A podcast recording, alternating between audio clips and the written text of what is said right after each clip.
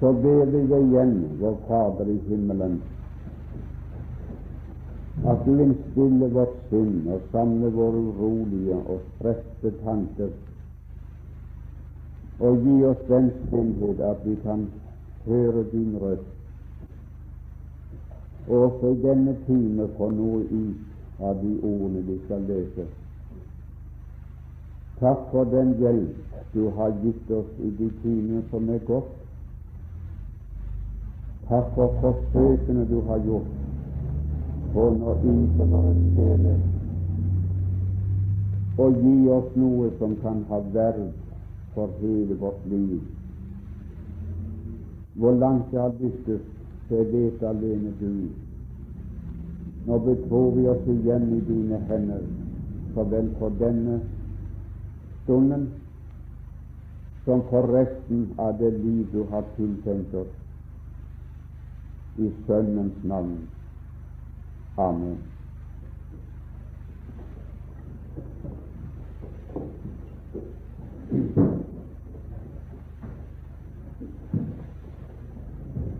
Så var det et par ting igjen når det gjelder følgene av forlikelsen, som jeg vil ta med. Og dere kan som den fjerde følge skrive frimodighet til å tre frem for Gud. Frimodighet til å tre fram for Gud. Og dere kan notere Hebreerne 10, 19-22. Hebreerne 10, 19-22. Samme brev, kapittel 4, 14-16. Det leser vi sammen. I kapittel 10 står det Da vi altså, brødre, i Jesu blod har frimodighet til å gå inn i helligdommen, som Han har innvidd oss en ny og levende vei til gjennom forhenget, det er Hans død. og da vi har en stor prest over Guds hus, så la oss tre frem med sandru hjerte i troens fulle visshet, renset på hjertene fra en ond samvittighet og tvettet på legemet med rent vann. I kapittel fire leser vi så Ettersom vi da har en stor ypperste prest som er gått igjennom himlene, Jesus Guds sønn, så la oss holde fast ved bekjennelsen.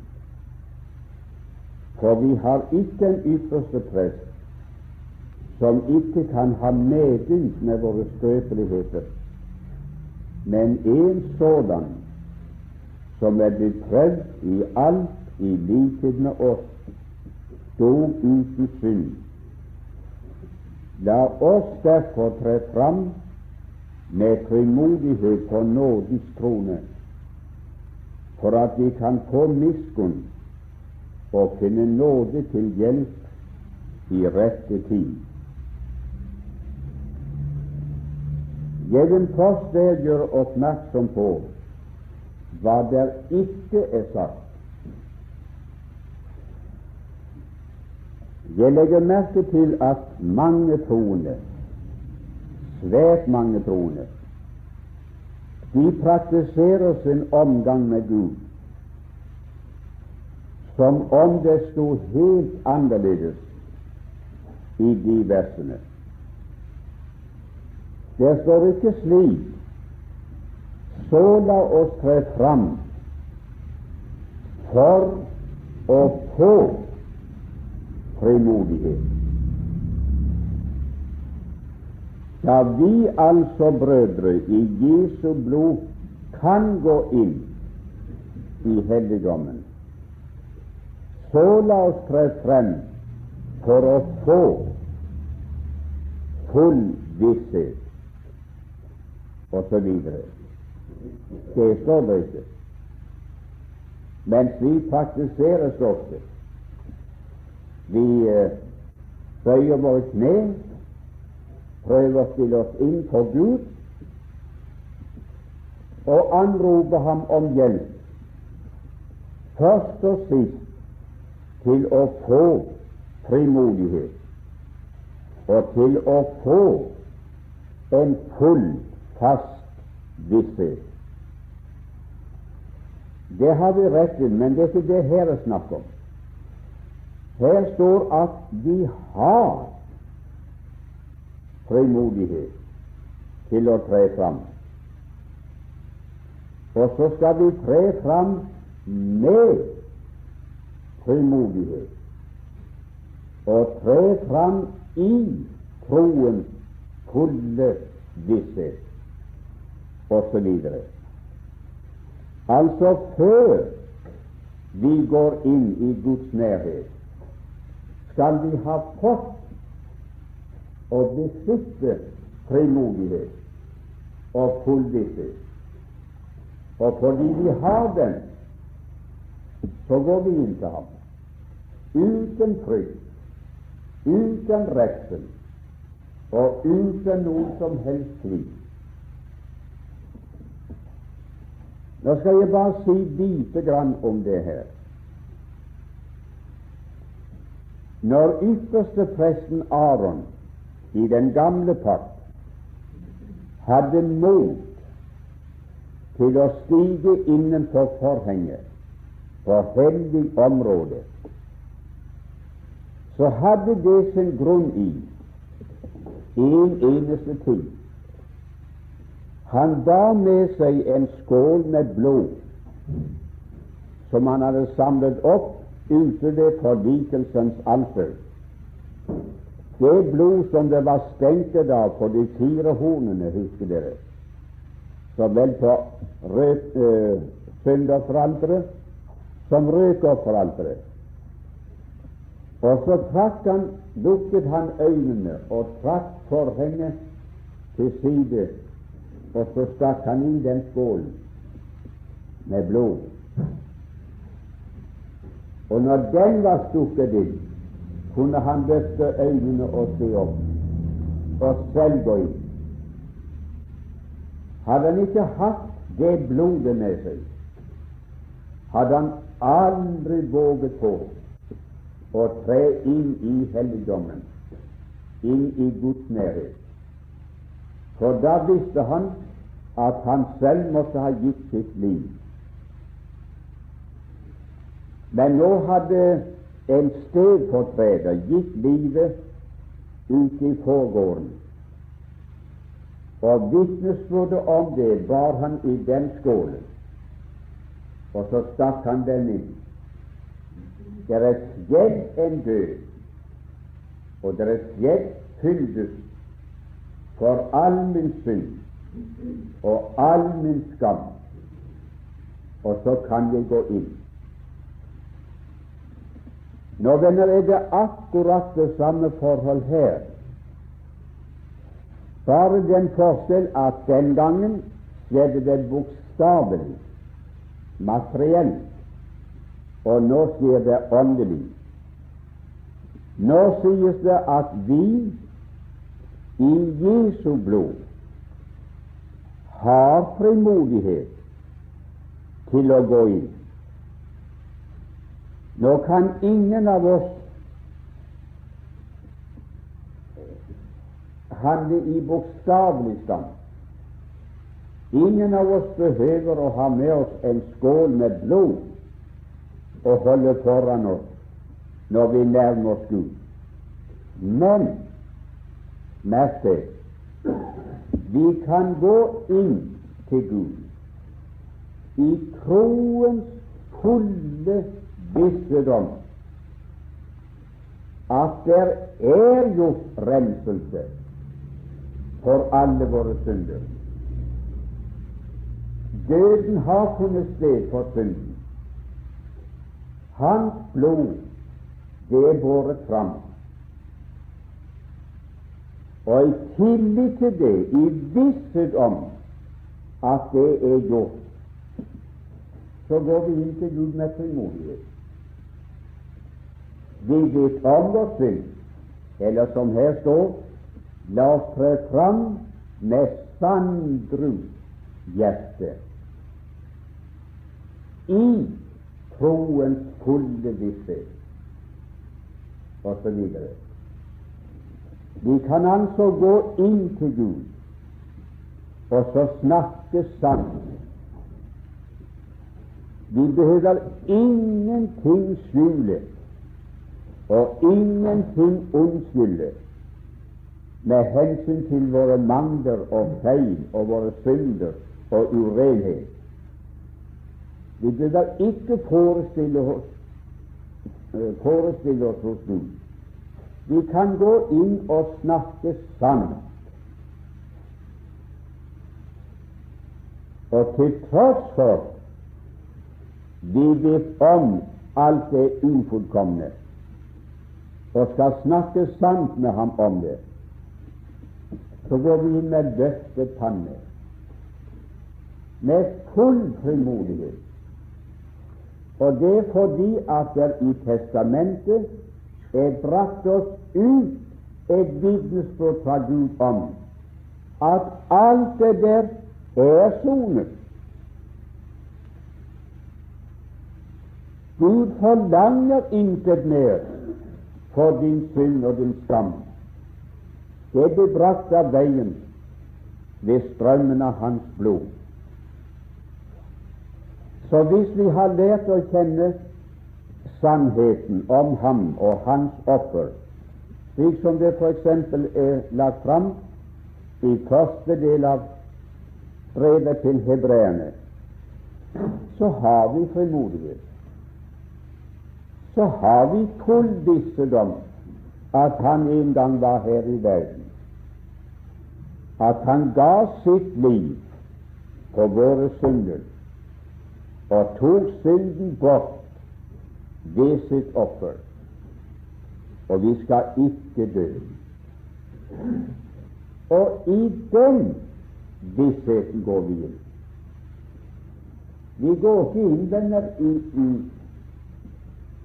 i den fulle, faste visshet om at vi tror. Det er det folk strever med. De er ikke sikre på at de tror rett, og ikke sikre på at deres tro er levende. Det er den de tenker på å analysere fra morgen til kveld. Men det de skal være viss på, folk, det er ikke det at vi tror, men vi skal være viss om det som vi forlater oss på. Vi skal ha en full, fast visshet at Kristus har vært her i verden. Han har gjort soning for våre synder. Gud er fornøyd med det som han har gjort. Og i den vissheten så går vi inn med frimodighet.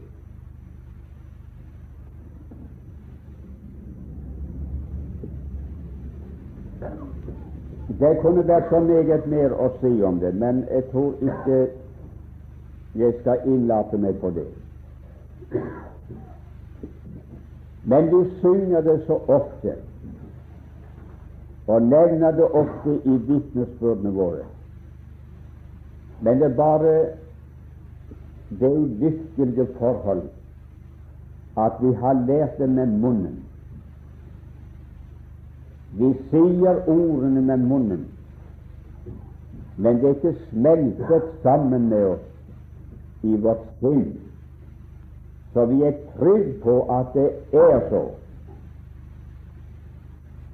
Hva som var meg imot Du kan kalle det akkurat hva du vil, men hva det var meg imot, det ble utslettet med blod. Det ble naglet til korset med ham. Så det er ikke mer. Det er umulig, godt folk, å være viss på at det er sant,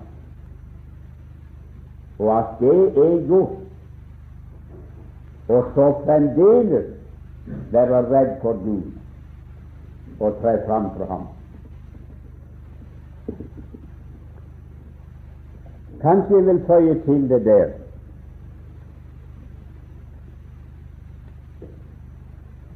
Vi leste i Peters brev 3,18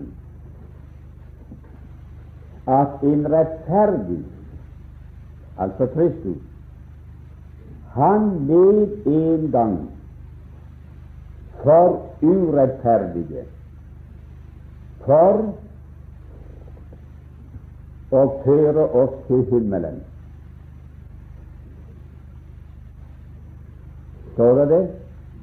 Nei, det står ikke det. Men det er som regel det folk snakker om, og de fleste av predikantene snakker om. Han led og døde for oss en gang på Golgata, for at vi skulle slippe helvete og komme til himmelen. Det er sant og riktig nok, det. Men det er bare ikke det som står der. Men det står han led en gang, en rettferdig for urettferdige, for å føre oss frem til Gud.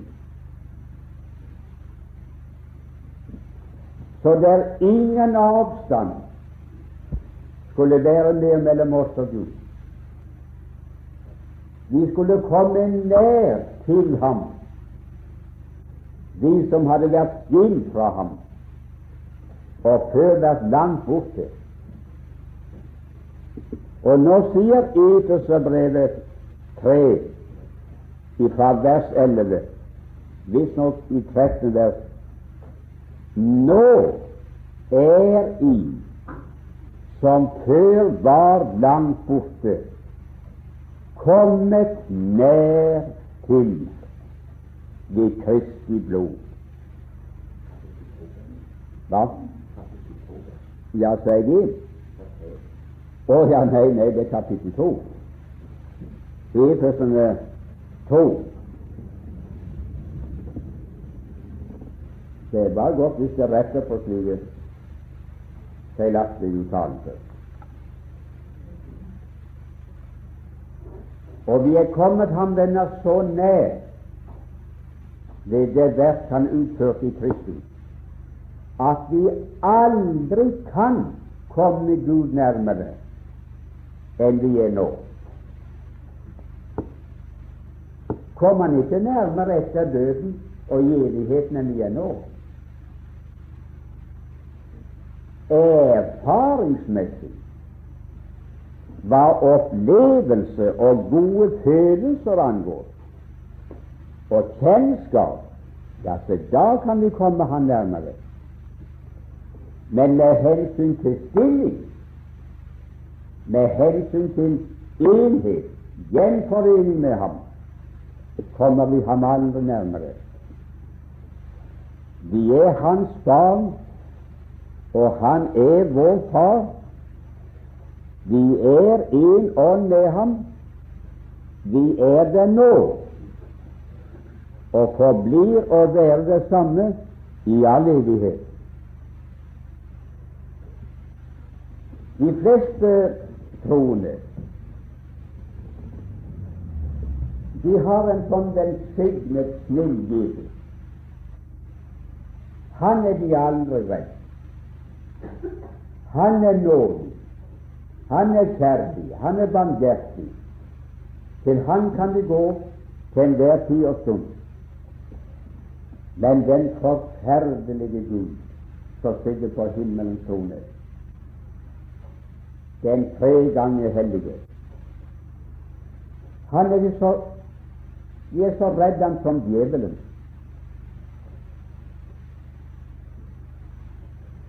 Og hvis det ikke var det, de hadde den forestilling at Jesus er i himmelen og ber for dem, snakker godt i øret på Gud, og så nei, du må spare du, nei, nei, det er sant jeg har syndet, men du må huske på at jeg døde for dem. Se sårene mine, merkene til sårene mine. Spar dem for min skyld. Hvis det var det, så trodde Gud slo dem ned på flekken. Jeg er så redd Gud at det er et mirakel. Men de, de har aldri forstått at de ved Kristi død og blod ble brakt ned til Gud og forenet med ham. Har du lagt merke til Efeserbrevet hvordan det begynner? Der har Gud løftet apostelen opp. Jeg pleier å kalle det på Efeserbrevet alpetopper. Du vet på disse høyeste fjelltoppene i verden når man, opp, når man kommer opp der, så får man et ganske annet utsyn over omgivelsen enn når man går ned i dalen. Og så man står der på Efeserbrevets høyde, er han kommet så høyt opp at Gud gir ham å se inn i den første uskapte evighet og hva som sysselsatte opptok Guds tanker før verden var til. Og han ser framover gjennom de kommende tider og til evigheten som skal komme. Og han ser alt som ligger imellom. Og hva gjør han? I hvert fred. Han slår hendene sammen, og så sier han Å, Lovet være Jesus. Hmm?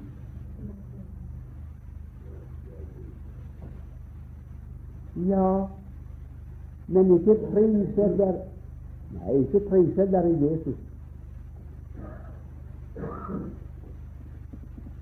Hør på bønnene, venner, hvordan de troende ber. Det er Jesus som får takken. Det er han som men her står en apostel og så og kjente hele Guds råd til vår frelse. Og så sa han Å, lovet være Gud, Han som har velsignet oss med all åndelig velsignelse i himmelen i Kristus Jesus. Han var ikke redd for Gud. Hei, min venn, han så at bak den Herre Jesus, bak alle åndelige velsignelser, sto Gud. Det var ham han hadde å takke for alt. Og derfor kunne han si si Gud og Faderen takk for alle ting, eller under alle ting, i Kristus Jesus. I Efeserbrevet, venner, der er Gud Hør hva jeg sier. Der er Gud midleren. Kristus er velsignelsen.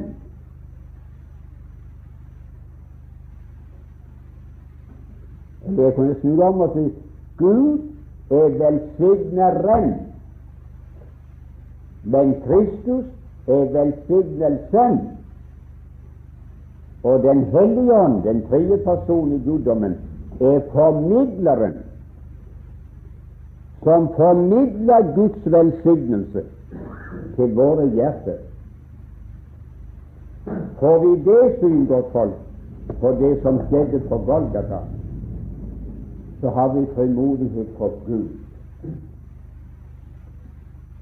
Og så går vi inn i troens fulle visshet om Han er aldri imot meg mer. Jeg kan komme inn og snakke sant. Er jeg kald, så sier det. Sier til Gud at jeg er steinkald.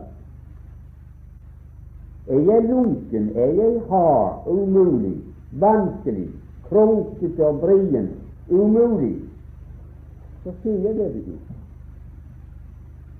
Har jeg syndet, så sier det til Gud. Jeg går inn og snakker sant.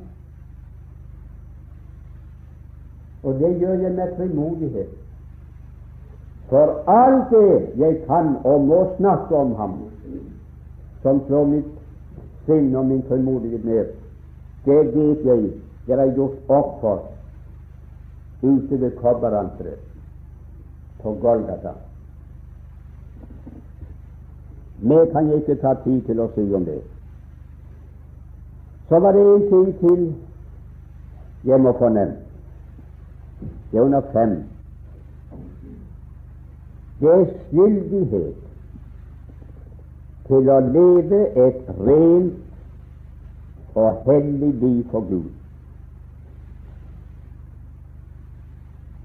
Skyldighet til å leve et rent og hellig liv for Gud.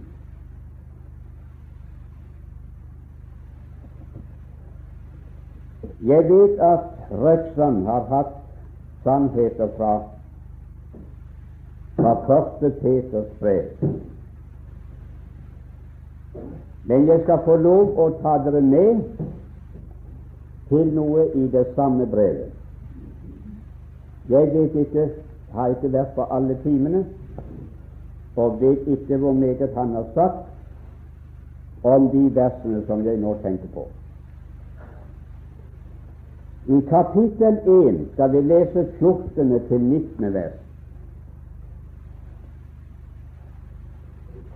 Som lydige barn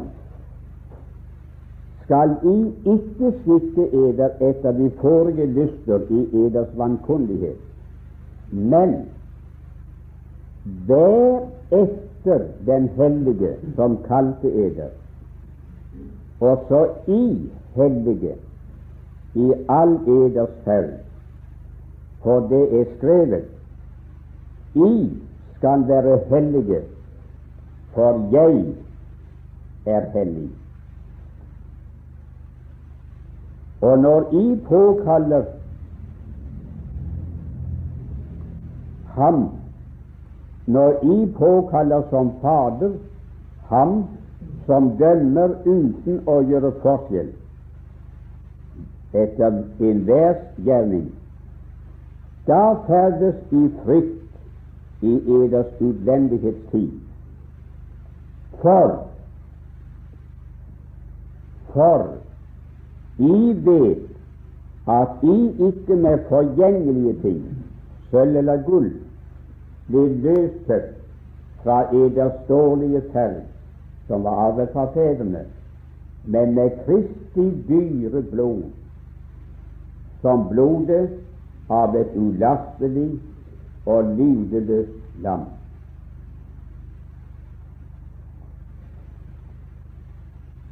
Det kan ikke være tvil om at Peter i dette tilfellet har til hensikt å bringe Guds folk til å innse det ansvar de har, og leve rent og hellig for Gud i denne verden. Vi skal være etter ham som kalte dem. Han er hellig. Det er mønsteret. Og så skal de trolig i all sin ferd og i all sin vandel være etter det mønsteret hellige, avskilte, avsondrede fra alt urent og alle urene. Det er hensikten å påføre oss det ansvar, vekke oss til den bevissthet.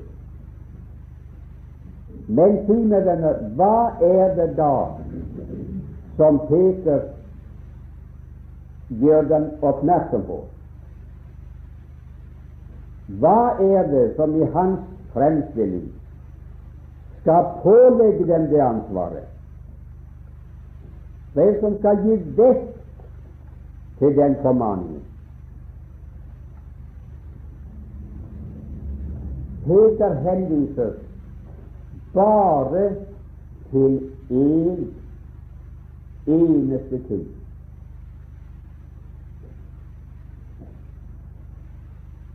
Jeg vil gjerne notere det og huske det. Jeg legger langt mer inn i de ordene enn dere nå i øyeblikket er oppmerksom på. Men jeg har ingen tid til rådighet å uttale meg nærmere om det. Men jeg gjentar for å bringe Guds folk til det ansvar å leve et rent og hellig liv i all sin ferd og all sin vandring, så henviser Peter bare til én en eneste ting. Han henviser dem til den kjensgjerning at de er kjøpt med Kristi dyre blod.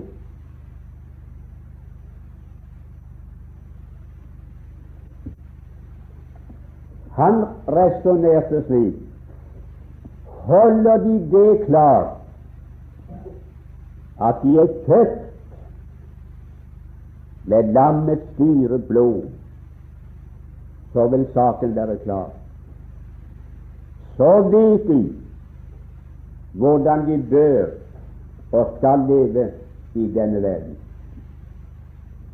Og Det samme forhold finner vi også hos apostelen Paulus. Der kan vi notere første Korinterbrev 6, 16-20. Første Korinterbrev 6, 16-20.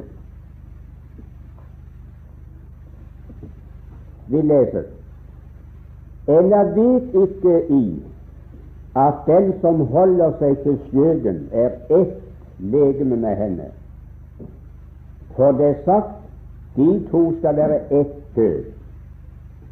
Men den som holder seg til Herren, er én ånd med ham. Fly hos enhver synd som et menneske kan gjøre, er utenfor legemet. Men den som driver hos, synder mot sitt eget legeme. Eller vet ikke I at eders legeme er et tempel for Den hellige ånd, som bor i eder, og som I har fra Gud, og at De ikke hører eder selv til, for I er dyrt kjøpt. Er da Gud i eders legeme. Her advarer Paulus dem og formaner dem mot synd og utlevere sitt legeme til noe som helst som er syndig.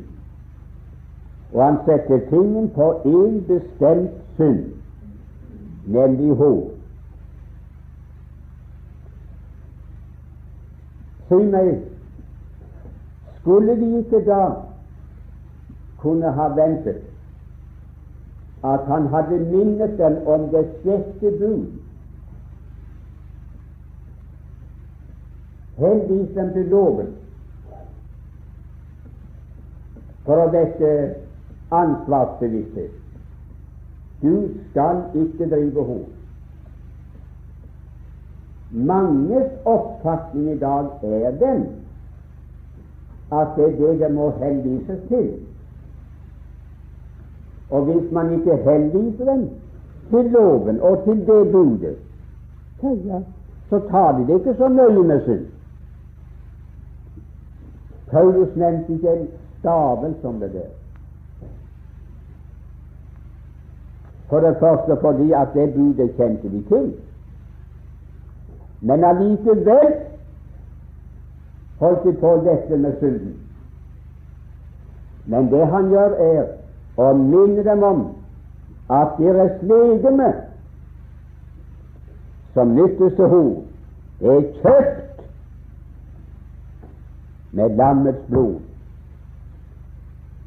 Og det hører ikke dem selv til. Det er Kristi eiendom. Og ansvaret er at han skal æres i det legemet. Lege seg bevisst og hold det klart at dette legemet er ikke mitt legeme. Jeg kan ikke utlevere det til hva som helst. Det er ikke jeg som rår over det. Det er Kristi blodkjøpte eiendom. Så kunne de ikke ta Kristi eiendom og utlevere den til full. Så det, den sannheten, den kjensgjerningen, ville skape ansvar hos dem og avholde dem ifra synden. I lovens ord du skal ikke drive hor, lå der ingen kraft til å la være.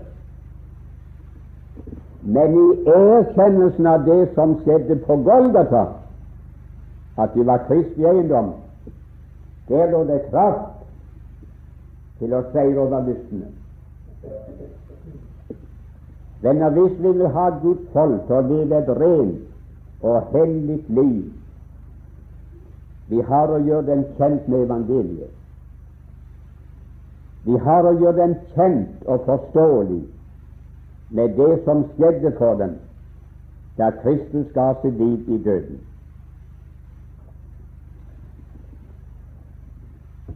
Skal vi slå to steder til, og det blir de to siste vi kan ta med. Vi skal først lese i Tredje Mosebok, fjerde kapittel, nei, fjortende kapittel. Tredje Mosebok 14, og fra 14. til 16. vers. I kapitlet er det tale om renselsen av en spedalsk, på hvilken måte han kunne bli ren for Gud. Og så står det fra vers 14 så skal presten ta av skyldofferets blod og stryke det på den høyre ørelapp. For den som lar seg rense, og på den høyre tommelfingeren. Og på den høyre stortåen. Og presten skal ta av den tilhørende lovolje og helle i sin venstre hånd, og så dytte sin høyre pekefinger i oljen som han har i sin venstre hånd, og sprenge oljen med sin finger syv ganger foran Herrens åsyn.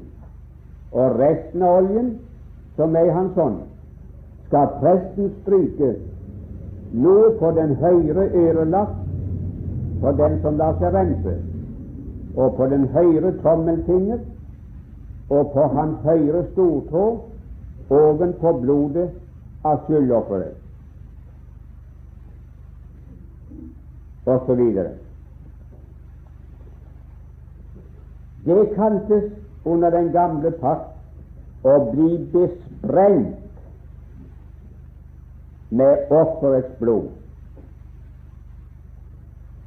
Presten skulle dyppe fingeren i det blod som hadde sonet for hans synd, og stenke på det høyre øret, på den høyre tommelen og den høyre stortå. Og så skulle den hellige salveolje, som er bildet på Den hellige ånd, komme etter blodet og stenke på høyre øre og høyre tomme på høyre tommeltå. eller stortå. Og så erklærtes han å være ren. Skal vi lese med det samme de to første vers av kapittel 1 i Peters brev?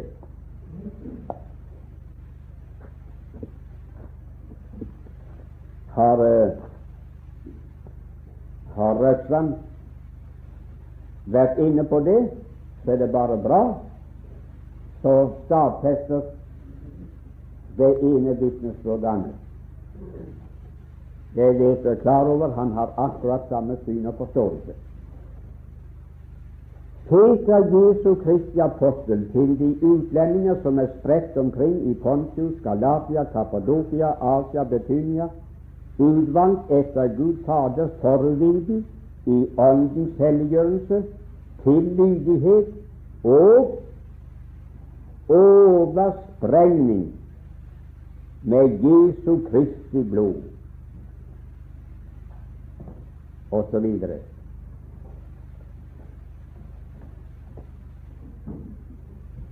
Denne besprengning, bestenkelse, den skjer ikke bokstavelig i dag. Ingen kan med sin naturlige ting dyppe i Kristi materielle blod og så stenke på oss. Det lar seg ikke gjøre. Nå er den bestenkelsen en erkjennelsessak, en troesak.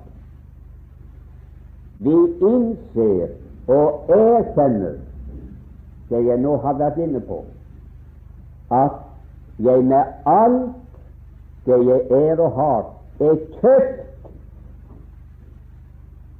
ved lammets blod. Så erkjenner jeg at er mitt. Det er ikke mitt, det er Han. Og så kan jeg ikke ta det øret og låne det bort til alle røster i verden. Og så vi urene Men jeg legger øret til ham for å høre hans røst, og så innrette mitt liv etter hva han sier. Og så erkjenner jeg at den hånden som jeg handler med og virker med, det er ikke min hånd, det er blod på tommen. Det skal minne om det tilhører ham. Og så vil erkjennelsen av det bevare meg fra å utlevere mine hender til urettferdige handlinger.